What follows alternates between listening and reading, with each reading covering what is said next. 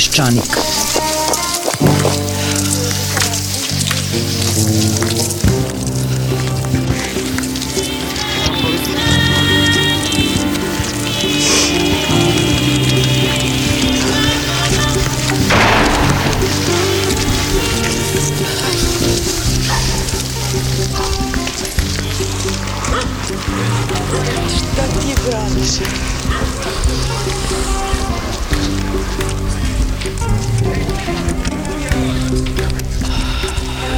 Peščanik.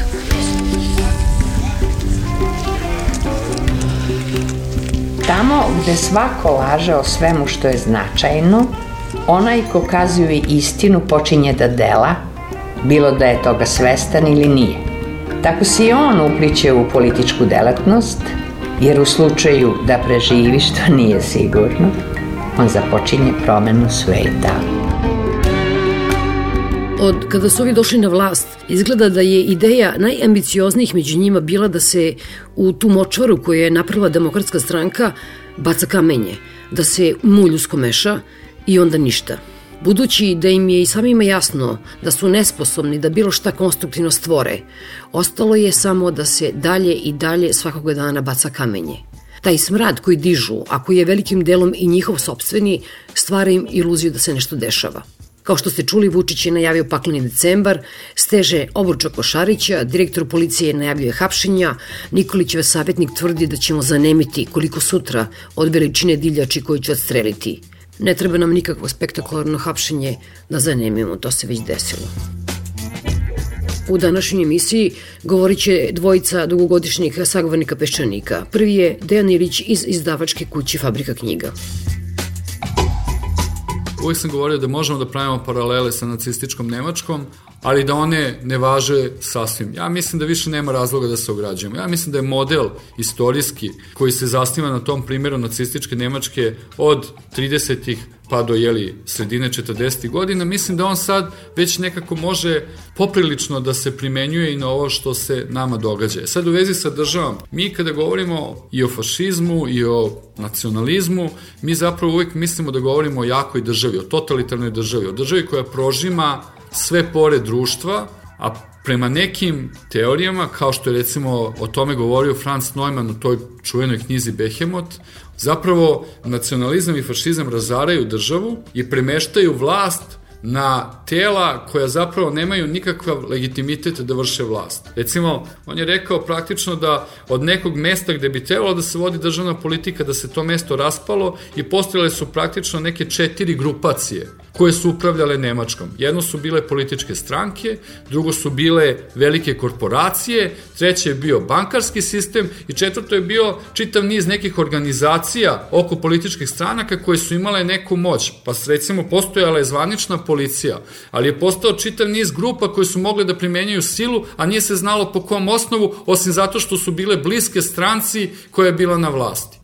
Ja mislim da i u tom smislu kad gledamo silu, mi u Srbiji imamo trenutno vrlo sličan mehanizam. Mi imamo policiju, onda imamo žandarmeriju za koju ne znamo šta je i imamo navijačke grupe. Kad žandarmerija radi to što radi, Ja ne mogu reći da žandarmerija nije država, ali to je naopaka država. To je država koja se otrgla kontroli. S druge strane imaš navijačke grupe koje takođe očigledno imaju državnu zaštitu. Dakle, vrlo sličan model onom modelu koji opisuje Neumann u toj svojoj knjizi Behemoth. Tu si samo zaboravio nekoliko desetine hiljada ljudi naoružanih koji su neka lično obezbeđenje, nedefinisani Ah, broj naoružanih ljudi. Da, da, da, za koje nema zakon i sve. Pa da, pa to je, eto, ako pričamo o rastakanju države, onda bi to bio model po kome se ova država rastače. Ali to još uvijek ne znači da za nas, obične građane, država ne postoji, jer nam se ona pojavljuje u jednom vrlo, kako bih rekao, zloslutnom obliku, kad god mi uskratimo ili se državi učini da smo uskratili neko njeno pravo tako što nismo ispunili neku svoju obavezu, na primjer plaćanje poreza.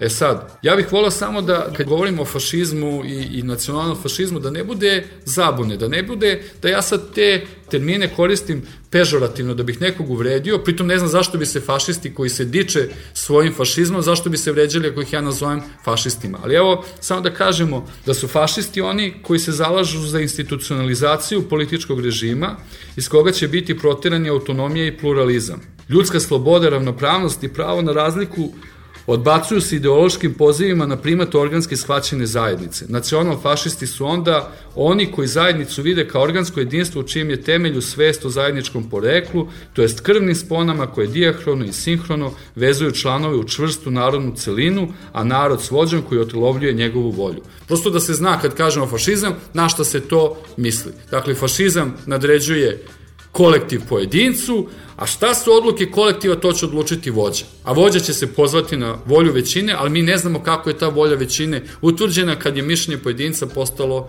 nebitno. To imamo od 90-ih na ovamo. E, u tom smislu imamo ogoljeni rasizam jeli, u ovoj priči o zilantima, ti da ideš da spališ mesto gde neko treba da prespava, ti da zatvoriš put, da ne daš da nekome se dostavi hrana i voda, to su ozbiljni činovi. Ti te ljude ne tretiraš kao ljudska bića. To jeste rasizam. Druga stvar koja ima veze sa rasizmom je ova priča o Kosovu. Ja ne znam da li će se složiti ljudi sa mnom, ali ovo što srpska država ili država Srbija preko svojih jeli zvaničnih organa želi da instalira na severu Kosova je čista apartheid.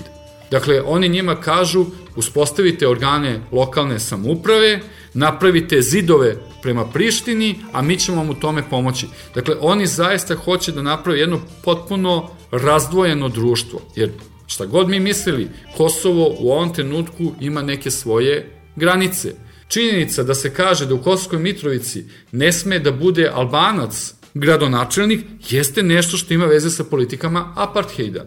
Poslednjih dana, zbog ovog zakona o zdravstvenoj zaštiti dece, trudnice i porodilja, se poveo jedan razgovor o abortusu. Abortus je vrlo zanimljiva tema zato što u svim tim režimima koji su skloni tim nekim totalitarnim oblicima vlasti, a jeli ti nacional fašistički svakako jesu, pitanje abortusa je uvek bilo važno zato što se tu ogledao odnos vlasti prema pojedincu. U ovom slučaju je reč o ženskom telu. E sad, šta se desilo kod nas ovim zakonom? Taj zakon Reklo bi se na prvi pogled ima vrlo humane motive. Dakle, postoje neki ljudi u Srbiji koji nemaju zdravstvenu zaštitu. I onda se kaže, među tim ljudima mi izdvajamo decu, trudnice i porodilje, koje ako su jeli deca, trudnice i porodilje, mi ćemo njima obezbediti besplatnu zdravstvenu zaštitu. I šta se onda dogodi? Država se tu pojavljuje kao jedan, jeli, zabrinuti otac koji sad hoće da zbrine nejač i ona kaže evo daćemo deci, trudnici i porodiljama, ali da nas trudnice ne bi prevarile. Jer zamisliti sad koje je to iskušenje u Srbiji, ti nemaš zdravstvenu zaštitu i ti da bi imao zdravstvenu zaštitu zosetiš se i ostaneš u drugom stanju. Ali pošto živiš kao pas, nećeš da imaš decu, jer u čemu da odgajaš decu, ti ćeš onda da primaš par meseci, onda ćeš da odeš da abortiraš i onda jeli si zeznuo državu za tih par meseci, a možda ako neko ne javi na vreme, možda ćeš uzimati još par meseci, pa ćeš tako da oštetiš državu za ne znam koliki ogroman novac. E sad tu je potpuno fantastično u stvari kako i kad donosiš zakon koji je i na neki naopak način ima neko zrno humanosti, kako se pokazuje priroda ove države, da te neko ne prevari, da neko ne uzme ono što mu ne pripada. Hoće da nam otme, pa te zle žene koje idu da abortiraju.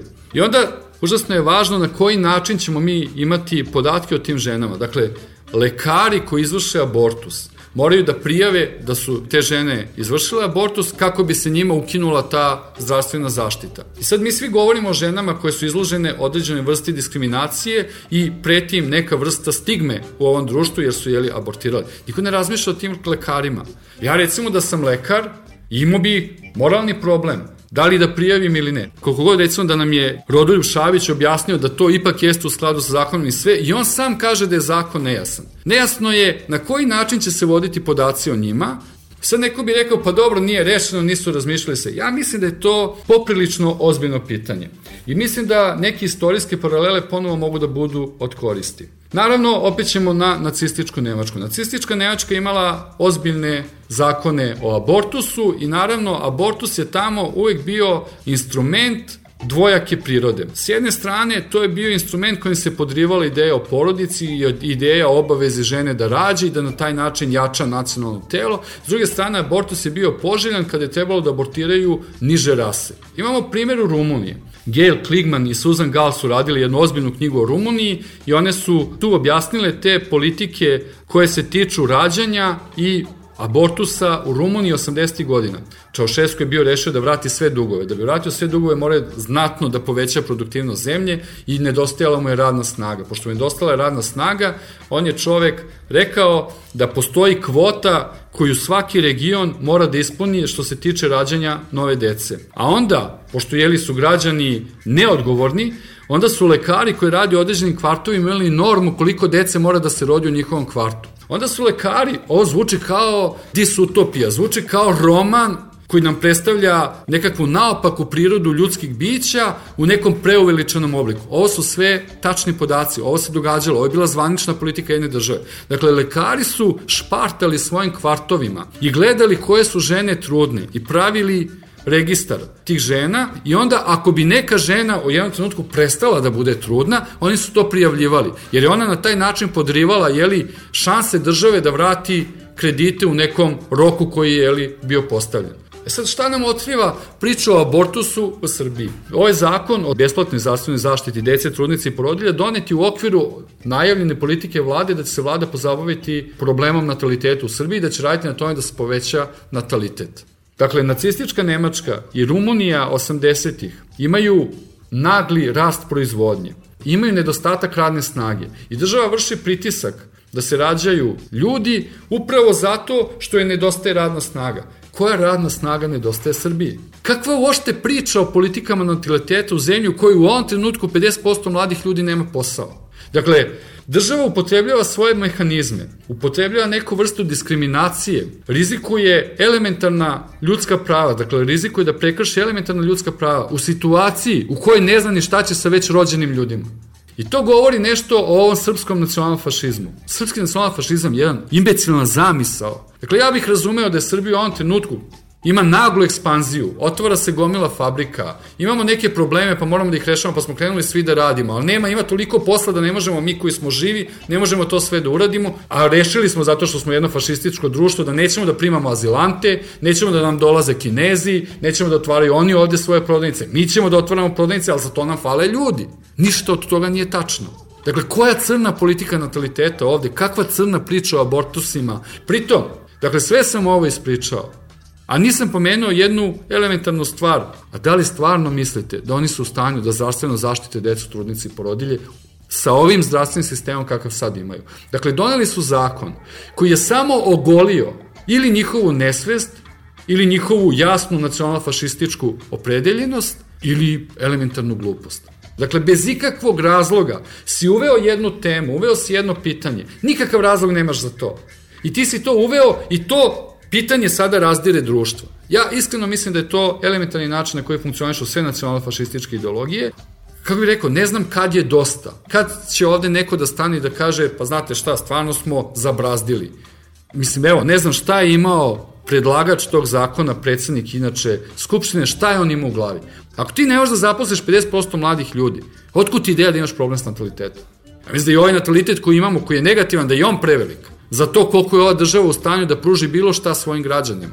Da li može poći neku paralelu sa Hrvatskom? Oh, da šta, Hrvatska je ono što će Srbija da bude kada uđe u Evropsku uniju. Tako da je to sad problem, razumeš? Ti sad lepo vidiš da država koja su propašćena, da su one upropašćene, da tu nikakve Evropska unija ne može da pomogne. Naravno da oni imaju isti problem, naravno kad je Dubravka Urešić napisala ovaj tekst o ovom poslednjem jeli, rezultatu sa referenduma, naravno da je ona potpuno pravo. Pa nije se to dogodilo sad u nedelju, to se dogodilo 90. godine. To se dogodilo kada je Tuđman došao na vlast. Naravno, ovde postoji jedna ideja, jeste sve to tako i ovaj naš fašizam traje od tada i sve, ali kad mi uđemo u Evropsku uniju sve će biti bolje. Pa neće biti bolje i evo, Hrvatska je primer za to da neće biti bolje. Hrvatska je tu čak negde još drastičniji primer jer pokazuje šta zemlja koja nema jasan normativni okvir može da uradi kada dosledno primenjuje nekakve demokratske principe. Demokratija ima smisla samo onda kada postoji jedan normativni okvir oko koga nema pogađanja. Dakle, postoje neka elementarna ljudska prava, postoji nešto što je zapisano u Ustavu i oko toga nema izjašnjavanja. Samo u tom smislu demokratija počinje da funkcioniše kao nekakav dobar princip. Ako toga nema, demokratija je tačno ovo što sad imamo u Hrvatskoj. Sve zašto većina odluči da je u redu, bit će sprovedeno. Ćirilica, možda neće proći sad, proći će u nekom drugom trenutku dok se jasno ne stavi brana. Šta je to čemu mogu građani da se izjašnjavaju, a šta je to što nama predstavlja temelj pristojne države oko koga nema pogađanja. I zato je Hrvatska odličan primer da Evropska unija u ovom trenutku ima slabe mehanizme da to reguliše. Ako mi mislimo da će nas Evropska unija upristojiti, ja mislim da se mi grdno varamo. Ja sam gledao u vezi s ovim rezultatima s ovog PISA testiranja, jeli, i video sam zabrinutu izjavu ministra prosvete koji je rekao sad je dosta, ne možemo više ovako, počinjemo odmah da se spremamo za testiranje 2015. Pa je to svrha škole? Jel tebi sad neko treba da dođe s polja da ti kaže da ti ne valja obrazovni sistem i da su ti deca loša, pa ćeš ti sad da sve fingiraš, da spremiš decu da polože te testove, a šta su oni još sa tim pokupili? Pa pokupili su samo da lažu. Jer ako je taj test svrha sam po sebi, onda ti ništa nisi napravio. Ali ne, to ministru ne smeta. On kaže, mi ćemo sad to da uradimo, mi ćemo da dobijemo sertifikat da nam se obrazovanje popravilo, svi smo odradili svoj posao i sve je u redu. Kao da je to reforma obrazovanja. Ministar je rekao još jednu stvar koja je meni bila, ne, ne znam čak ni kako bih to nazvao. Dakle, čovjek je rekao, molim privrednike da nam daju listu potrebnih zanimanja kako bismo mi obrazovali decu. Prva reakcija je da ti pomisliš, ne, ne, ja ovde nešto nisam dobro čuo. Nemoguće da neko izgovori ovaj prežaj. Međutim, čovjek to ponovi nekoliko puta. Imenuje. Kaže, recimo, Miodrag Kostić treba da nam kaže kakvi to njemu radnici su potrebni. Ti vidiš jednu strahovito kratkoročnu pamet, kratku pamet. Pritom je to nemoguće. Obrazovanje traje 12 godina. Dakle, on kaže danas, dajte mi listu i za 12 godina ćemo mu napraviti decu koja će to moći da radi. Pa ti kažeš kao jesi ti normalan. To isto je važno da se kaže, nacionalna strategija pročiva na dva stuba. Jedan stub je da se čuva nacionalni identitet, pritom se ošte ne kaže šta je nacionalni identitet, a drugi je da se izađe u susret potrebama privrede. I sad, sticajem okolnosti, imao sam priliku da pitam Ivan Ivića, a zašto vi niste bolje uradili tu priču o privredi, o potrebama privredi, o tome kako se obrazovanje usklađuje sa potrebama privrede. Ja nisam video koje su potrebe privrede, a vi ste to naveli kao jedan od dva glavna cilja. On kaže, pa mi smo molili ekonomiste da nam daju taj neki model, ali niko njih nije mogao da nam da. Ne možeš da daš, kako ćeš da daš? To je privreda, ti ne znaš kako se stvari kreću. Drugo, to su stvari iznad tvoje kontrole. Ti praviš sistem obrazovanja koji je ključ za svako društvo. Praviš ga tako da bude zavisno od nečega što ne može da se predvidi jer je izvan tvoje kontrole. I to ministar izgovara bez problema. Čak traži, hvali se time, to je ono, to je sad ta promena koju on dono. Evo dajte mi spisak zanimanja i mi ćemo to da napravimo. Oni su rekli treba nam za južni tok. A onda je Vučić bio u Ujedinjenim Emiratima, ali gde je već, isto vodi profesor univerziteta. Evo, ljudi neka kažu, ali, ali, šta im treba. Tako je, ali ja sam nešto video da tih milijardu dolara koje je trebalo da stignu za još nisu stigli. Ako se ja ne dobro sećam, bila je priča da će stići do kraja godine. Imaju još koliko, 29 dana da će stići. Tako da, to je to. Ti vodiš nekoga, ti kao pravi, ali to je nemoguće, to se tako ne radi. Ti moraš kad si doneo odluku, prvo da pripremiš programe obrazovne, pa da pripremiš učbenike, pa da pripremiš profesori koji će da rade po tim učbenicima. Dakle, to je proces od nekoliko godina. Danas da se dogovorimo i da kažemo da radimo najbrže što možemo, to je proces od 3, 4, 5 godina. I onda upisuju deca za koje je spremljen ceo taj materijal i on, to znači od danas za 21 godinu. I onda se ti pitaš, jer vi zaista mislite da te liste koje ćete dobiti danas, da one važe za 21 godinu? Pa da li moguće da ste toliko glupi i toliko bezobrazni? Onog trenutka kad Vučić više ne bude na vlasti, a meni se čini da se taj trenutak bliži, jer ja sam mislio da će on ipak duže biti tu, međutim ovo sad već raspada po šavovima, nema više priče o Emiratima. Ili Vučić misli da će narednih 21 godinu biti na vlasti. Dakle, to je potpuno jedan podanički odnos. To je taj kolonijalni odnos. I Ja zaista mislim da mi imamo ovde u jednom šizofreni spoj jednog nacionalističkog i jednog kolonijalnog diskursa. To je čist kolonijalni mentalitet da ti odeš kod kažeš kažete šta vam treba i mi ćemo to da vam damo.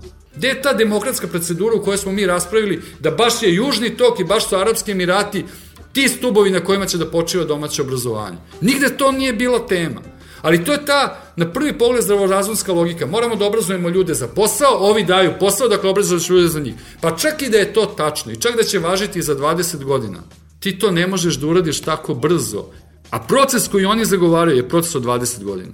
I ti vidiš taj raskoj, i ti vidiš zapravo da oni lažu.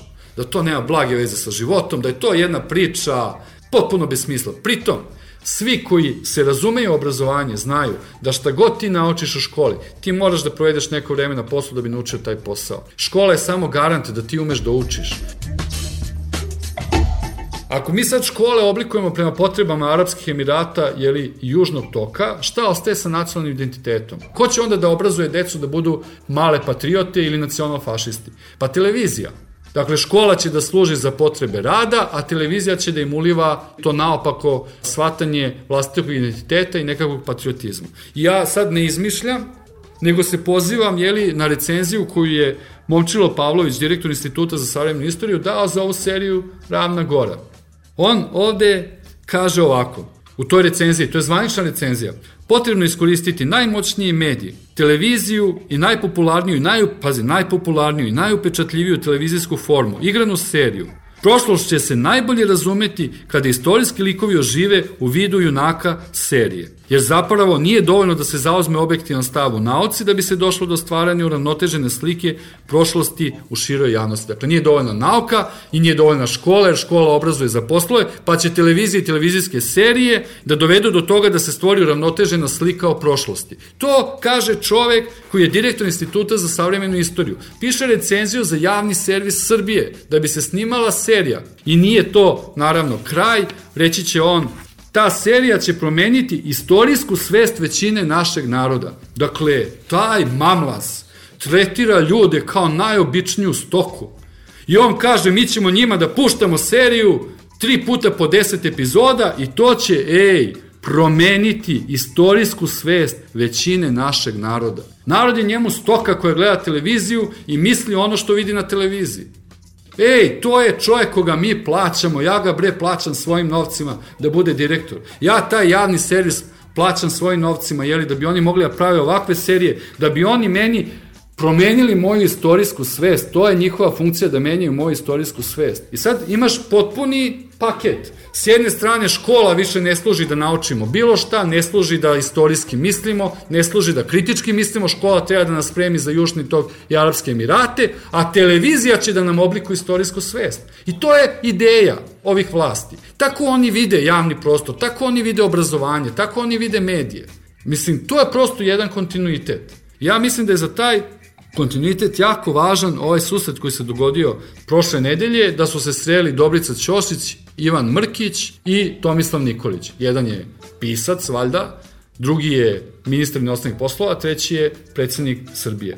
Oni su pričali o tome da je obeležavanje stogodišnjice Prvog svetskog rata prilika da se progovori o evropskom karakteru borbe srpskog naroda koji je uložio sebi svoju državnost braneći civilizacijske tekovine te Evrope. Prvi svetski rat. Dakle, ako je nešto bila Evropa u to vreme, bila je Austro-Ugarska monarhija. Ali nije bitno, naravno, to su bili neki oslobodilački ratovi iz te perspektive gledano, sve to u redu, ali oni se sastaju i govore isto ovo što nam govori ovaj recenzent ove serije. Šta kažu?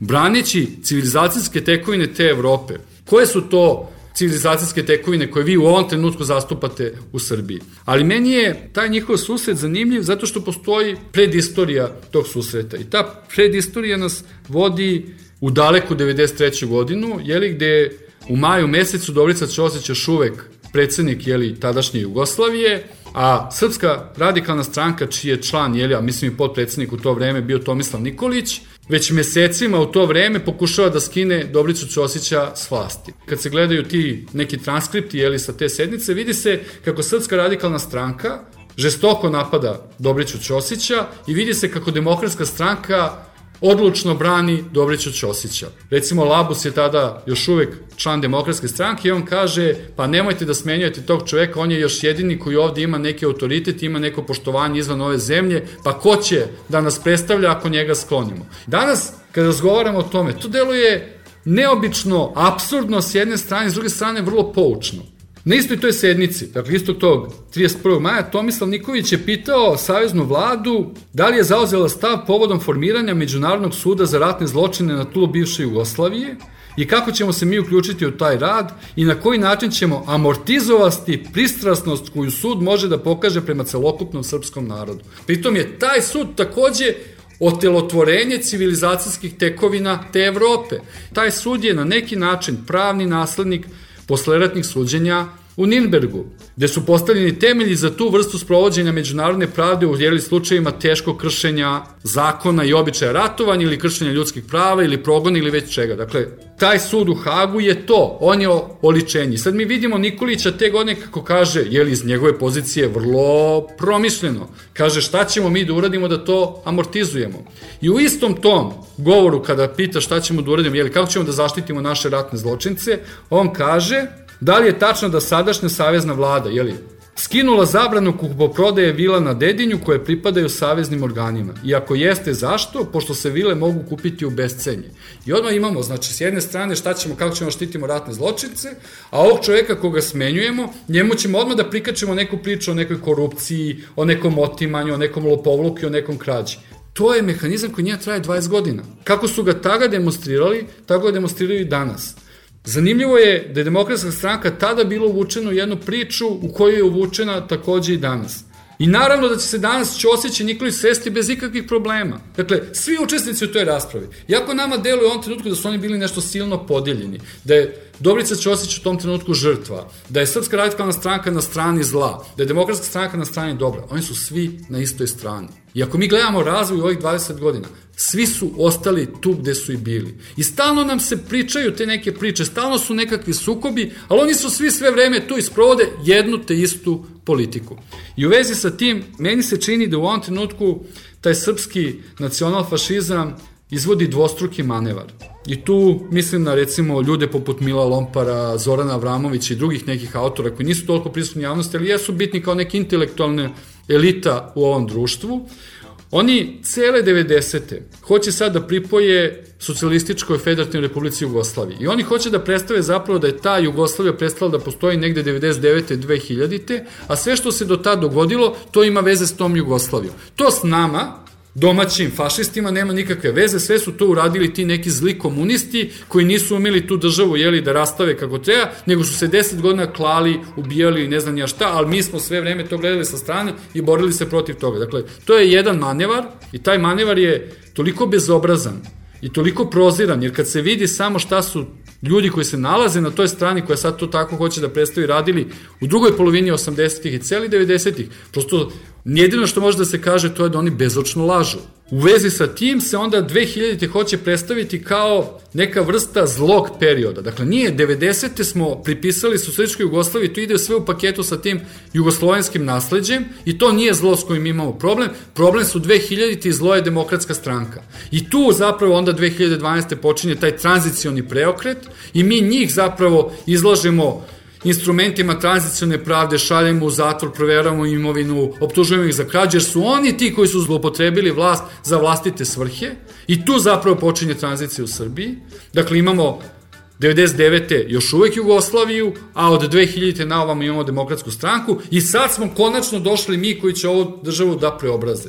To je bezočna laž, između ostalog, zato što nikad nije postojao taj period od 10 godina. Ako je postojao, on je možda postojao od 2001. do 2003 Sa ubistvom Zorana Đinđića taj prekid se pravi vrlo jasno i više nema nikakvog pokušaja da se bilo šta reformiše i promeni i onda imamo dolazak Koštunice kao jeli, predsednika vlade i potpuno je jasno da tog trenutka staju svi procesi reforme.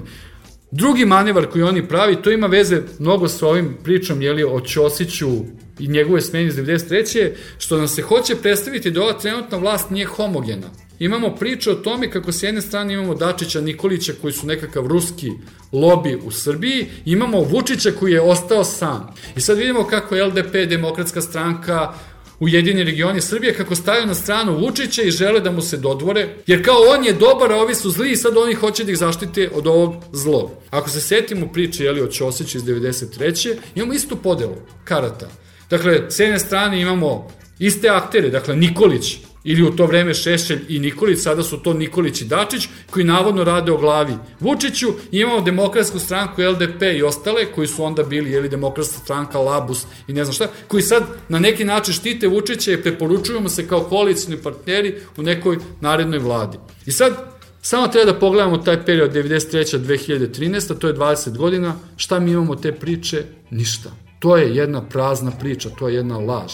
To je jedna elita koja ima nekakve svoje dvorske sukobe koji se tiču jeli, raspolaganjima, tim polugama moći, političke, ekonomske i samom silom i oni između sebe se dele neki put u dogovor, neki put mimo dogovora. Ja nešto ne mogu da verujem da Nikolić i Vučić nisu u dogovoru. Meni to više liči kao igra dobar i loš policajac. A uvijek će se dogovoriti šta će da rade sledećeg dana. Dakle, meni to liči na tako nešto. Ali čak i da nije to, čak da je sukob zaista realan, to nije sukob koji se tiče društva. Kao što sukob, jeli sa Ćosićem između Srpske radikalne stranke i Ćosića nije ništa promenio. Sve isto bilo. Tako isto i ovo. Ništa se neće dogoditi. I ako to tako gledamo, ja onda imam tu tezu da smo mi društvo koje su zarobile njegove elite. I nije to nikakva nova teza, to je teza koju Dubravka Stojanović već u nekoliko svojih knjiga iznosi, ali mi to lepo vidimo. Vidimo i meni je zato ovaj prijateljski susret između Dobrice Ćosića i Tomislava Nikolića toliko važan. Zato što zaista nas vraća tih 20 godina unazad do tu 93. godinu,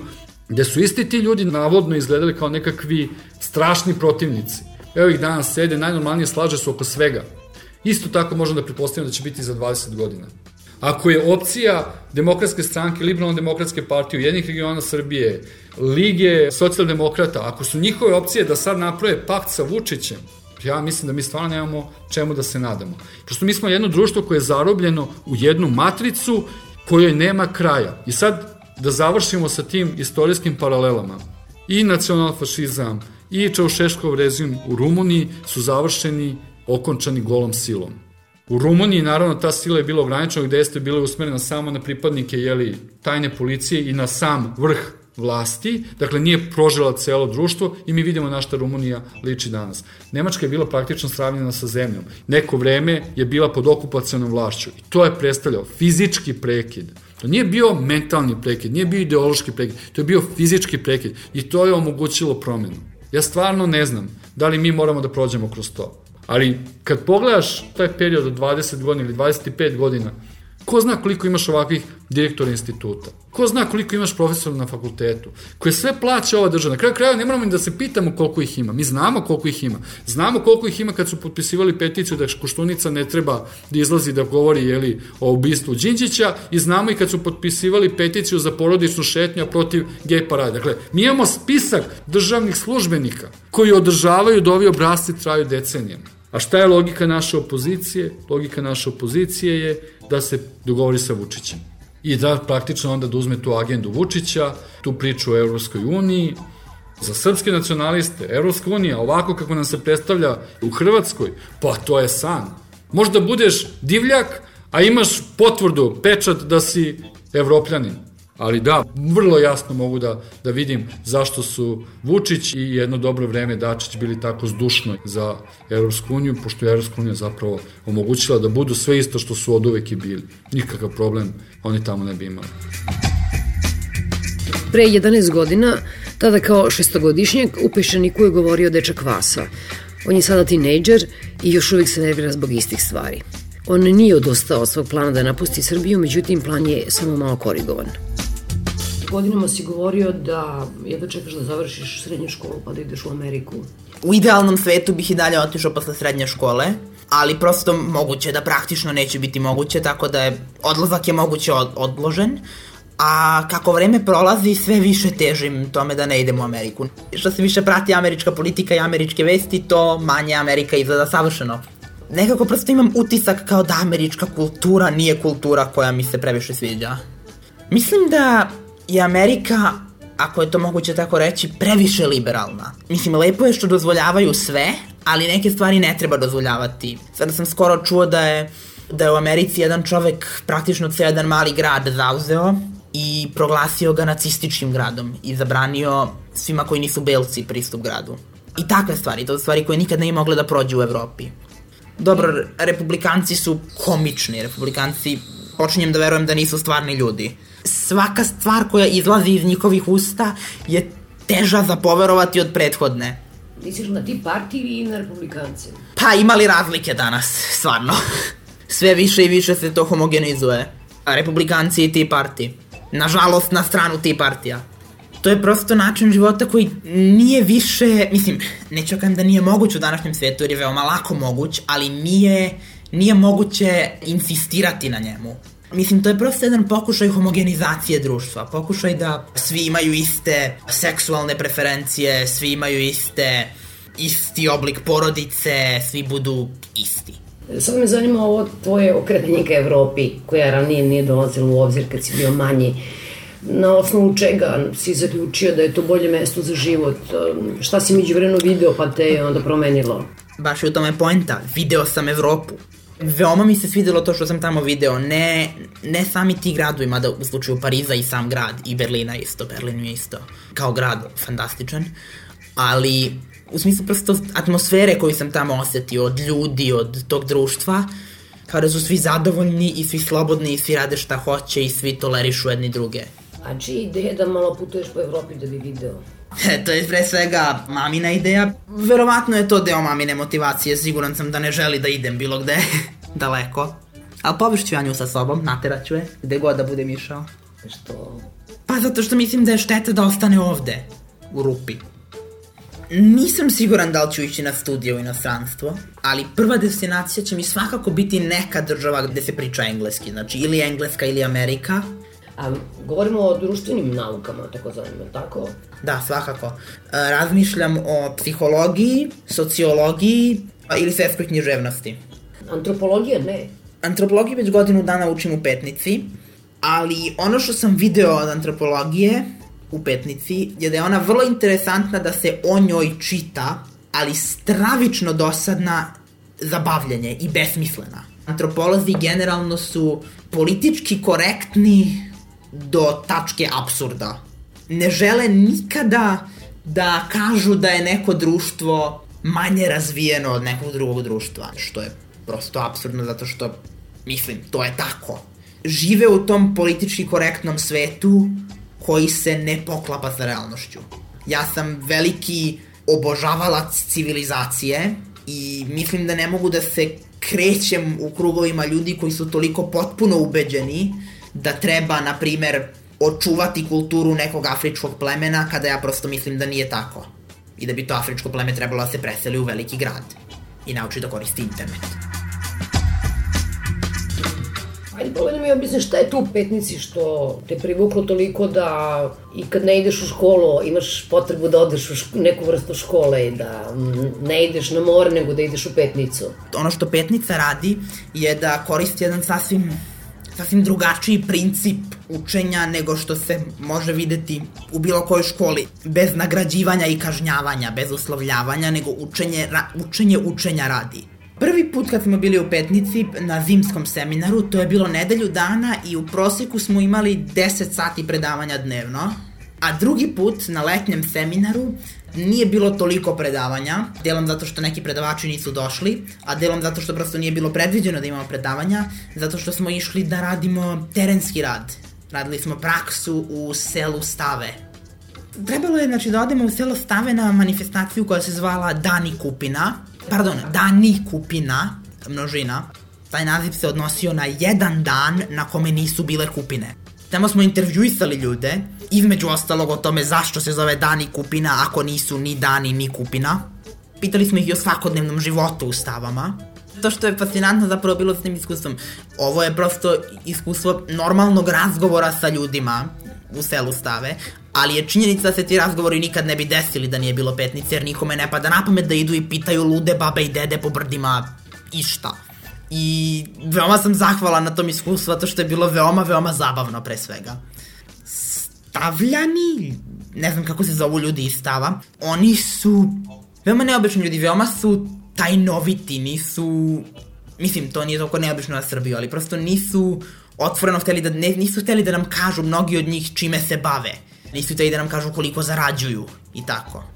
Najneobičnija bila jedna žena koja, kada smo je pitali čime se bavi, je rekla da ne može da nam kaže, ali da njena delatnost nije poljoprivredna.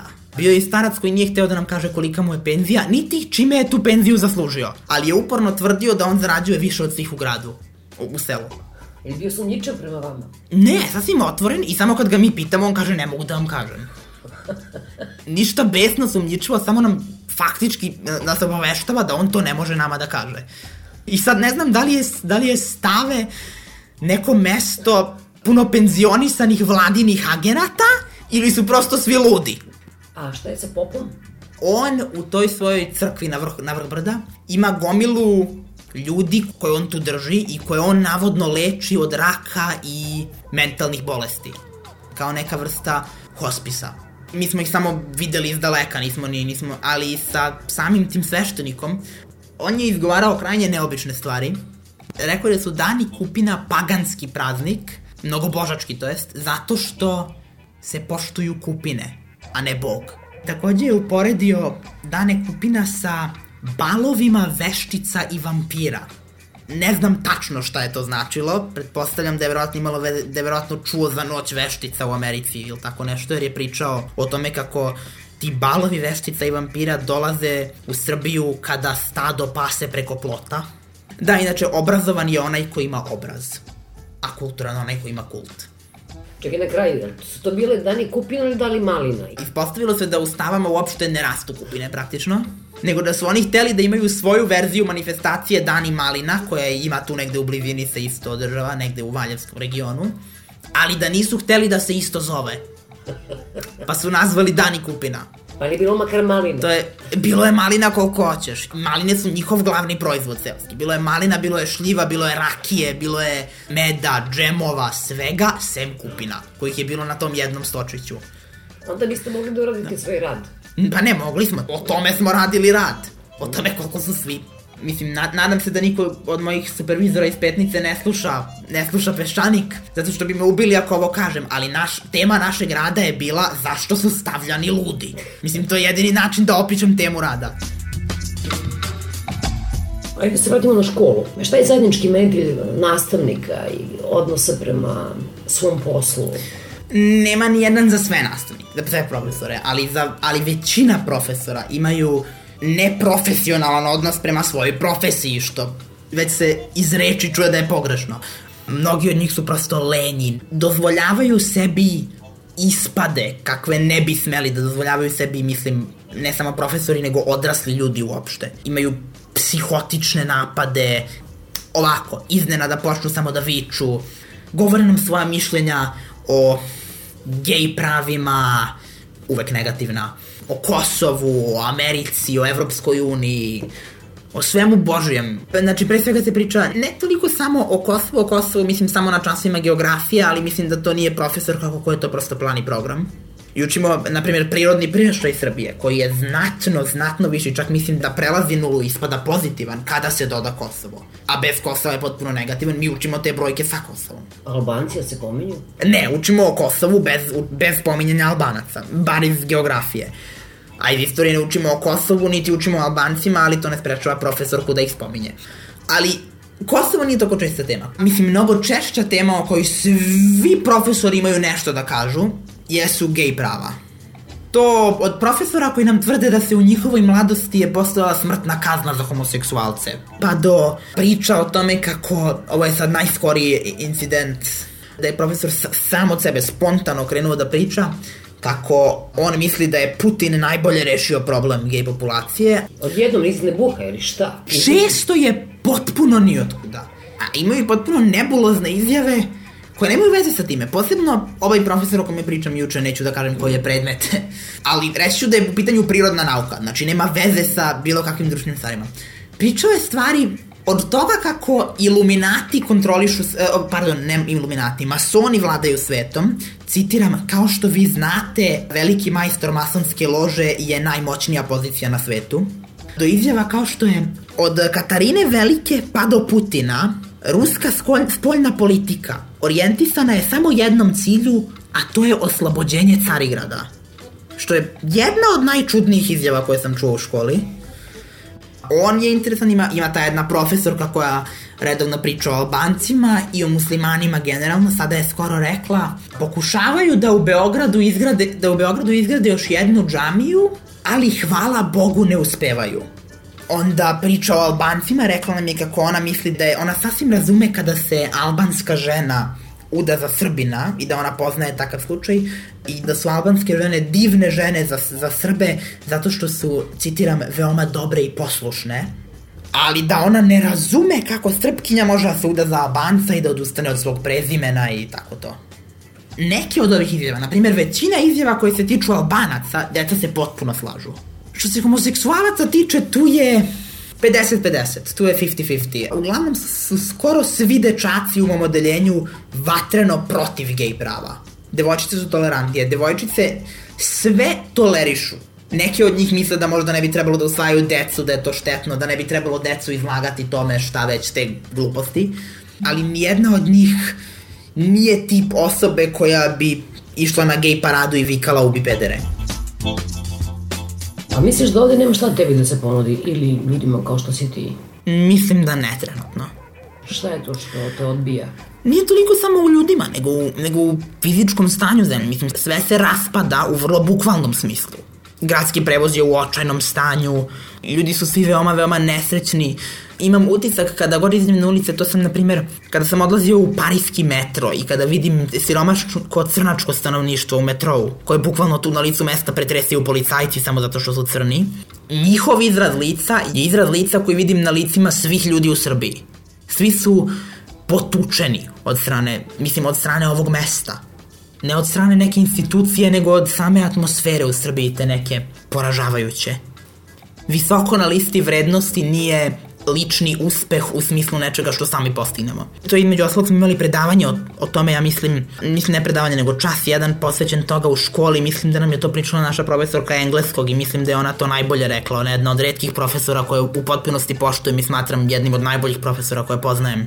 Ona nam je rekla kako kada se čovjek pita nekoga sa zapada šta vodi ka uspehu u životu i sreći, većina ljudi sa zapada će reći dobro obrazovanje, dok će ovde ljudi reći veze.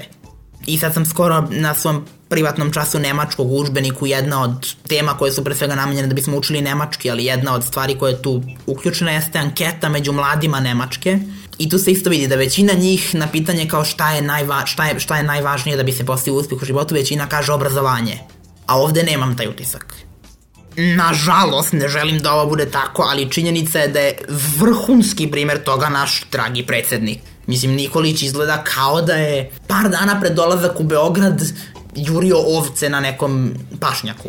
A inteligencijom da ne pričamo i momentima kao odlazak u Grčku i Makedoniju dva dana za redom i podržavanje suprotnih ideja, isto tako Izrael i Palestinu. I naravno još jedan genijalan primer jeste predsednik opštine Novi Beograd, jao bože, Nambija, E pa da, hoću da ti kažem da nema veze to što je ovaj sada izgleda kao da je sa sela ovaj kao gradski momak. Dobro, on nije gradski momak, on je momak sa Megatrenda.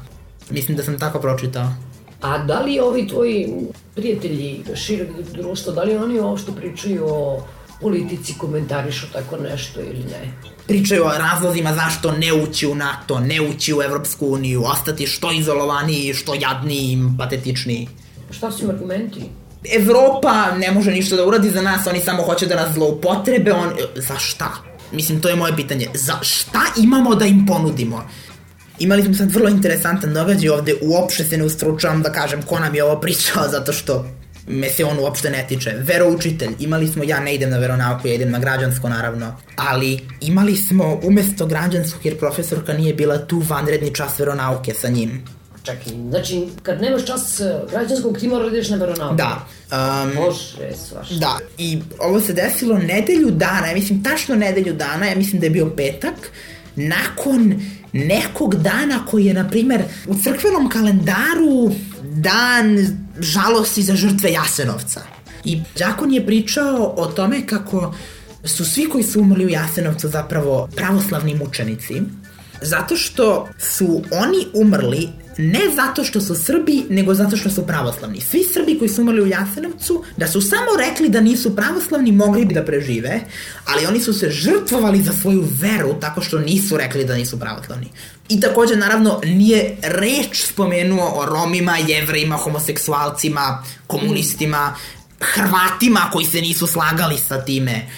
I onda je izneo svoju teoriju da je Jasenovac ne Jasenovac, nego činjenica da je Titova vlada pokušavala da pod znacima navoda sakrije Jasenovac od javnosti, je ultimativno dovela do raspada Jugoslavije. To je dovelo do te sakupljene mržnje sa strane jedne i druge, jedni prema drugima. Ne znam kako bi to dovelo do mržnje kod Hrvata, mislim, ne znam kako to funkcioniše u njegovoj glavi. I to je bio uzrok raspada Jugoslavije 90-ih. U gimnaziji ništa niste učili o tome. Ne, prosto nismo stigli do tog istorijskog perioda. Sad tek radimo srpske ustanke. Obsesija, taj etnocentrizam najgore vrste u učbenicima istorije. I geografije. Evropu smo, kao da kažemo, rad, mislim, učili ove godine, septembar, to je bila Evropa. Od kraja septembra pa do kraja juna ćemo raditi isključivo Srbiju. Svaku rečicu, danas je bilo verovatno najgori primer toga, kada je krenula da nam nabraja profesorka unutar Šumadije takozvane mikroregije, kojih ima, na primjer, dvadesetak, i za koju svaku treba da znamo najveći grad i najveću reku u mikroregiji. A, na primjer, mikroregija je Ljig. Najveći grad Ljig. Mislim, ja sam u osnovnoj bio šokiran kada smo mi morali detaljno da znamo tok Južne Morave kroz koje sve doline pa, prolazi. Ali ovo je sasvim novi nivo. Ja sam danas na ceo čas geografije sam blenuo u profesorku i pitao se da li je ovo sve neka veoma kompleksna šala. Mislim da je šteta kada ljudi ne žele da koriste civilizacijski tako revolucionarne stvari kao što je činjenica da u našem svetu možemo da živimo gde hoćemo i možemo da komuniciramo jedni s drugima jako nismo na istom mestu. Jer nekada je, kada bi se neko iz Srbije odlučio da se preseli u Englesku, to je značilo zbogom njegovoj porodici, praktično zauvek. Sada nije, sada to samo znači vidimo se sutra preko Skype-a. Nema nikakve motivacije za ostajanjem praktično. Ja imam veoma snažan taj poriv za ostajanje na jednom mestu, ali uvek na maloj skali. Ne osjećam tu neku potrebu da učinim Srbiju boljim mestom života, osjećam potrebu da učinim ovaj stan boljim mestom života. Čak, ovaj blok.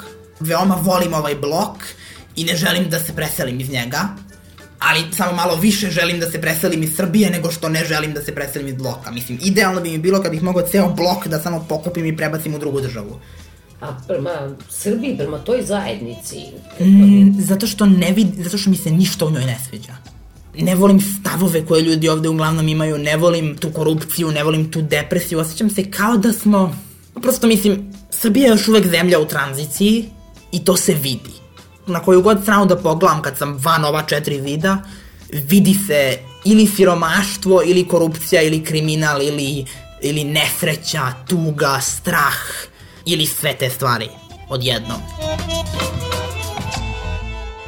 Čuli ste 17-godišnjeg Vasu, a u narednih nekoliko minuta kratka retrospektiva njegovih ranijih gostovanja u Peščaniku. Prvi put je govorio kada je imao šest godina i nije slutilo na dobro. Koja je tvoja stranka? Demokratska stranka Srbije. Čija je to stranka? Koštunicina. Dobre stvari govori svojim podancima. Stvari koje će pomoći Srbima. A ko će, izvini, da, da brine o Mađarima koji žive ovde, o Rumunima, o Rusinima, o Romima, o Albancima? Đinđić. Kako je bilo na glasanju? Jesi dobio listić? Tražio sam, predložili su mi, ali mama mi nije dala. I caca bi glasila za koštunicu da za još dva papirića više pobedi koštunica. Izvini, uopšte nije pobedio. Nego, izabran, ko je pa nije pobedio? izabran, Niko nije pobedio. Niko nije izabran za predsjednika, nije izašlo dovoljno ljudi na glasanje. A šta nemamo predsjednika? Znaš šta da ti kažem nešto? Stvarno mi se najmanje sviđa u ovom intervju što stalno govori da samo Srbi žive u Srbiji. Ajde, Koštunica je nekako. Pa šta ti nisi srpkinja? Pa jesam, pa Ali šta? to ti se onda to ne dopada ako si srpkinja. Kad si u Americi, Amerikanac si, ma šta da si u stvari. Ako si Turčin, dođeš u Srbiju, Srbin si. Marija Pantelić je jaka devojčica. Ne jak. Nego? Ona brani devojčice, svoj rod. Baš kao što Konstantin brani tuđi rod, a to mi je glupo. Što? Da braniš tuđi rod. Rod brani rod. Fašisto. Ja branim Fašisto. Vaso, ti si žešći fašist. U školi ti ponekad deca ponekad izgovara njihovo ime. Legino ime i od kuma. Jednom su do sada izgovorili ceca. Mislim da su ceci grozne pesme, ali ne toliko grozne da bi bila kriminalac i da bi je uhapsili i da bi držala oružje po kući. I sem toga i da je držala, to je sigurno od njenog mužarka na oružje. Jer nijedna pevačica do sad nije uhapšena. U njenoj kući je nađen bunker pun oružja. Ja sam vam rekao, to mora da pripada njenom mužu Arkanu koji je umro. Šta si ti čuo, Đinđu? Pa, Čula sam da njegovi sahradi mnoge ljude kako pričaju, da kažu da je on rekao da, da ako kriminalci misle da tima što će njega ubiti, da će zaustaviti razvoj Srbije, da se grdno varaju. Tu je bio u pravu, da mi sad možemo da pronađemo novog premijera. A što ti on išao na živce? Pa samo zato što su dnevnici bili mnogo dugački. On je na neki način produžavao vesti i dnevnike, a ja ne volim kad moja mama i deka gledaju vesti i dnevnik. Koga bi ti stavio za premijera? Na slovo K? Tad na slovo K. Učite mnogo o kosovskom mitu, o Kosovu, o... Ne, uopšte ne učimo o Kosovu, niti o Albaniji, niti uopšte o drugim zemljama. Učimo samo o Srbiji, što mislim da nije fair. Kao da smo mi kraljevina sveta ili šta već. Ne možemo za početak nikako da se dokopamo nekog normalnog političara. To je ko slepa baba koja po mraku traži mrvu prašine koja joj je ispala. Tako mi tražimo pametnog političara. Mislim, toki su nam šanse i da ga dobijemo. Hoćeš da kažeš da smo mi beznadežnoj situaciji? Poprilično. Šta ćeš ti da radiš onda? Čim završim fakultet, brišem ja. Ja, znaš kako je to tužno, jer ja imam telefonski imenik u kojem je pola imena precrtano, zato što su tako zbrisali. Treba ti novi telefonski imenik. Tako možeš, na primjer, da zaboraviš na te koje su zbrisali. Pa to je teško, nedostaje mi, ja ne želim da ih izbrišem iz svog života, iz svog sećanja i to. Šta ti kažem, čudna si. Sad mi skoro jedan mali dečak igrao se sa njima u snegu, a onaj jedan bedni dan zimek sa snegom. I prolaze pored dromita u kontejner da uzmu nešto iz kontejnera. I on mi grabi za ruku i kaže, pa cigani ukrašćete. To su predrasude. Znaš šta su predrasude? Ne. Tako, nešto što misliš o određenoj grupi ljudi i misliš da je to apsolutno tačno za svakog člana te grupe ljudi. Ja se slažem da su Srbi glupi, ali ne kažem da su svi Srbi glupi. The country is going to the dogs. To znači ova zemlja ide psima. Šta time hoće da se kaže? Kao više ne naseljavaju ljudi nego psi. Da, ne vina me to što ima tako puno lutalica. Što ih neko ne usvoji, mislim. Misliš da smo mnogo neosetljivi? Da. Šta si čula u dnevniku u poslednje vreme? Pa sad prate to kao, jej, uspeli smo da prođemo nekažnjeni za ovo Bosna i Hercegovina i to. I mislim, ono, svi su zbog toga presretni. Mada ja mislim da nismo da služili. Jer jesmo to uradili. I šta si ti još, šta još čuješ u dnevniku? Ma ovo, ovo, Ahtisariju za Kosovo. Pa šta si tu ukapirao? Ukapirao sam da je Koštunica glavni u kampanji za Kosovo. Kosovo neće napustiti granice naše države, mislim. Šta ti misliš, da li postoji šansa da zadržimo Kosovo? Ja mislim da ne postoji. A mislim da smo gotovi sa tim Kosovom. A bi ti volao da odeš na Kosovo? Voleo bih. Mislim, nikad nisam bio. A bi se plašio Albanaca? Zato ni ne idem na Kosovo. Pa čuj, mislim, ono, na granici čekaju, mislim, da ubijaju Srbe. A zašto nas oni tako mrze? Ja mislim da se Srbi ne plaše toliko spoljnjeg sveta. Mi ga ne mrzimo zato što ga se plašimo, nego je suprotno. Mi ga se plašimo jer ga mrzimo. To je bio jedan, jedan čovek, mislim ono, jedan, Slobodan Milošević, koji se plašio spoljnjeg sveta i zato ga je mrzeo, ali onda je ta mržnja, a ne taj strah, prešao na narod, ali je onda iz te mržnje izašao strah, tako da se tu malo vrtimo u krug. Inače, sada mi se skoro prikazao vrlo interesantan dokaz da nisu samo Srbi blesavi nacionalisti, da nismo ovde jedini na Balkanu. Dok sam igrao svoju igricu koja je online i u njoj mogu da četujem sa silnim igračima, ja sam video jednog igrača koji je svog lika nazvao opasni vrag. I onda sam pomislio da je odavde negdje da zna srpski i poslao sam mu poruku čao. Na što je on rekao, eh, konačno još neko iz Hrvatske da se da pričam sa njim. Kaže, dosadili su mi svi ovi englezi. I ja onda kažem, ja im onda pošljem poruku, kažem, ja sam iz Srbije. Na što je on napisao nekoliko redova psovki. I na kraju napisao, i kad sam taman pomislio da možemo da se družimo i stavio me na takozvanu ignore listu. To znači da više ne mogu da mu šaljem poruke. Zato što sam Srbin. Izgleda da mi nismo jedini nacionalisti ovde na Balkanu. A misliš da treba ljudi da glasaju? Mislim da definitivno treba da glasaju. I ako mi dopustiš, ima da im dam nekoliko vrlo dobrih predloga da vide, da vide za koga da glasaju.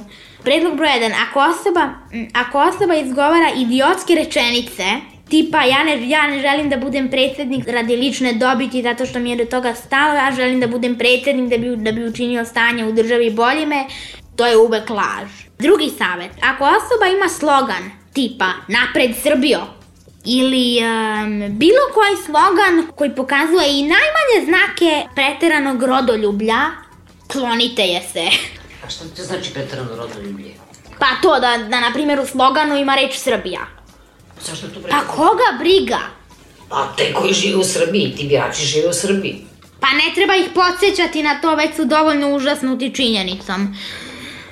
A pod kojim uslovima bi ti ostao u Srbiji? Prvo, da postanemo normalna moderna zemlja i takođe da se sve zemlje oko nas učlane u Evropsku uniju, da ne moramo da se smaramo na granicama. Drugo, da prestanemo ovoliko da zaostajemo po tehnologiji i svemu za um, ostatkom sveta. Da, da imamo nekog, nekoga na vlasti ko nije klinički slučaj, ako razumeš što hoću da kažem. Razumem, razumem. Znači da bude sa nama koji ne idemo nigde. Kako da vam kažem, idite. Pa drvo ne možeš da presadiš, evo drvo ovde, u, na ovoj poljani. Kad ga izmestiš i pos, negde na drugo mesto ga posadiš na bolje mesto, velike su mogućnosti da ne može da Se pusti navikne. koren ne može da se navikne. Ne mogu ljudi tako lako da se presađuju. Just watch me.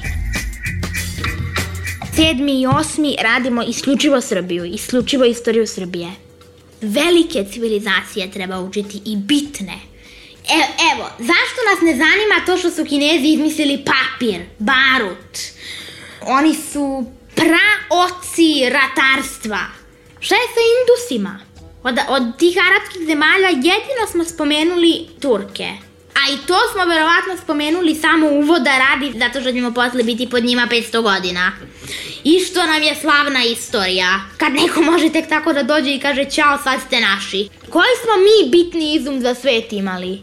A deca su toliko, imaju uzan, uzak pogled. Na geografiji, pita nastavnica geografije, svi mi ovde, kojoj mi grupi naroda pripadamo? On kaže srpskoj. I onda pita, dobro, daj mi primjer neke grupe evroazijskih naroda.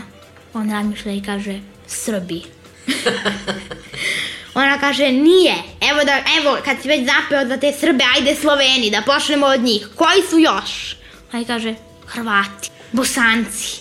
I ona kaže, pa, to su sve Sloveni, daj još neke. I on zamišlja i kaže, jel sad da kažem Srbi? Kaže, jel sad idu Srbi?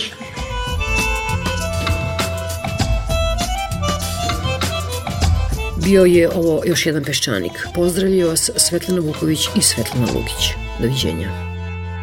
Peščanik.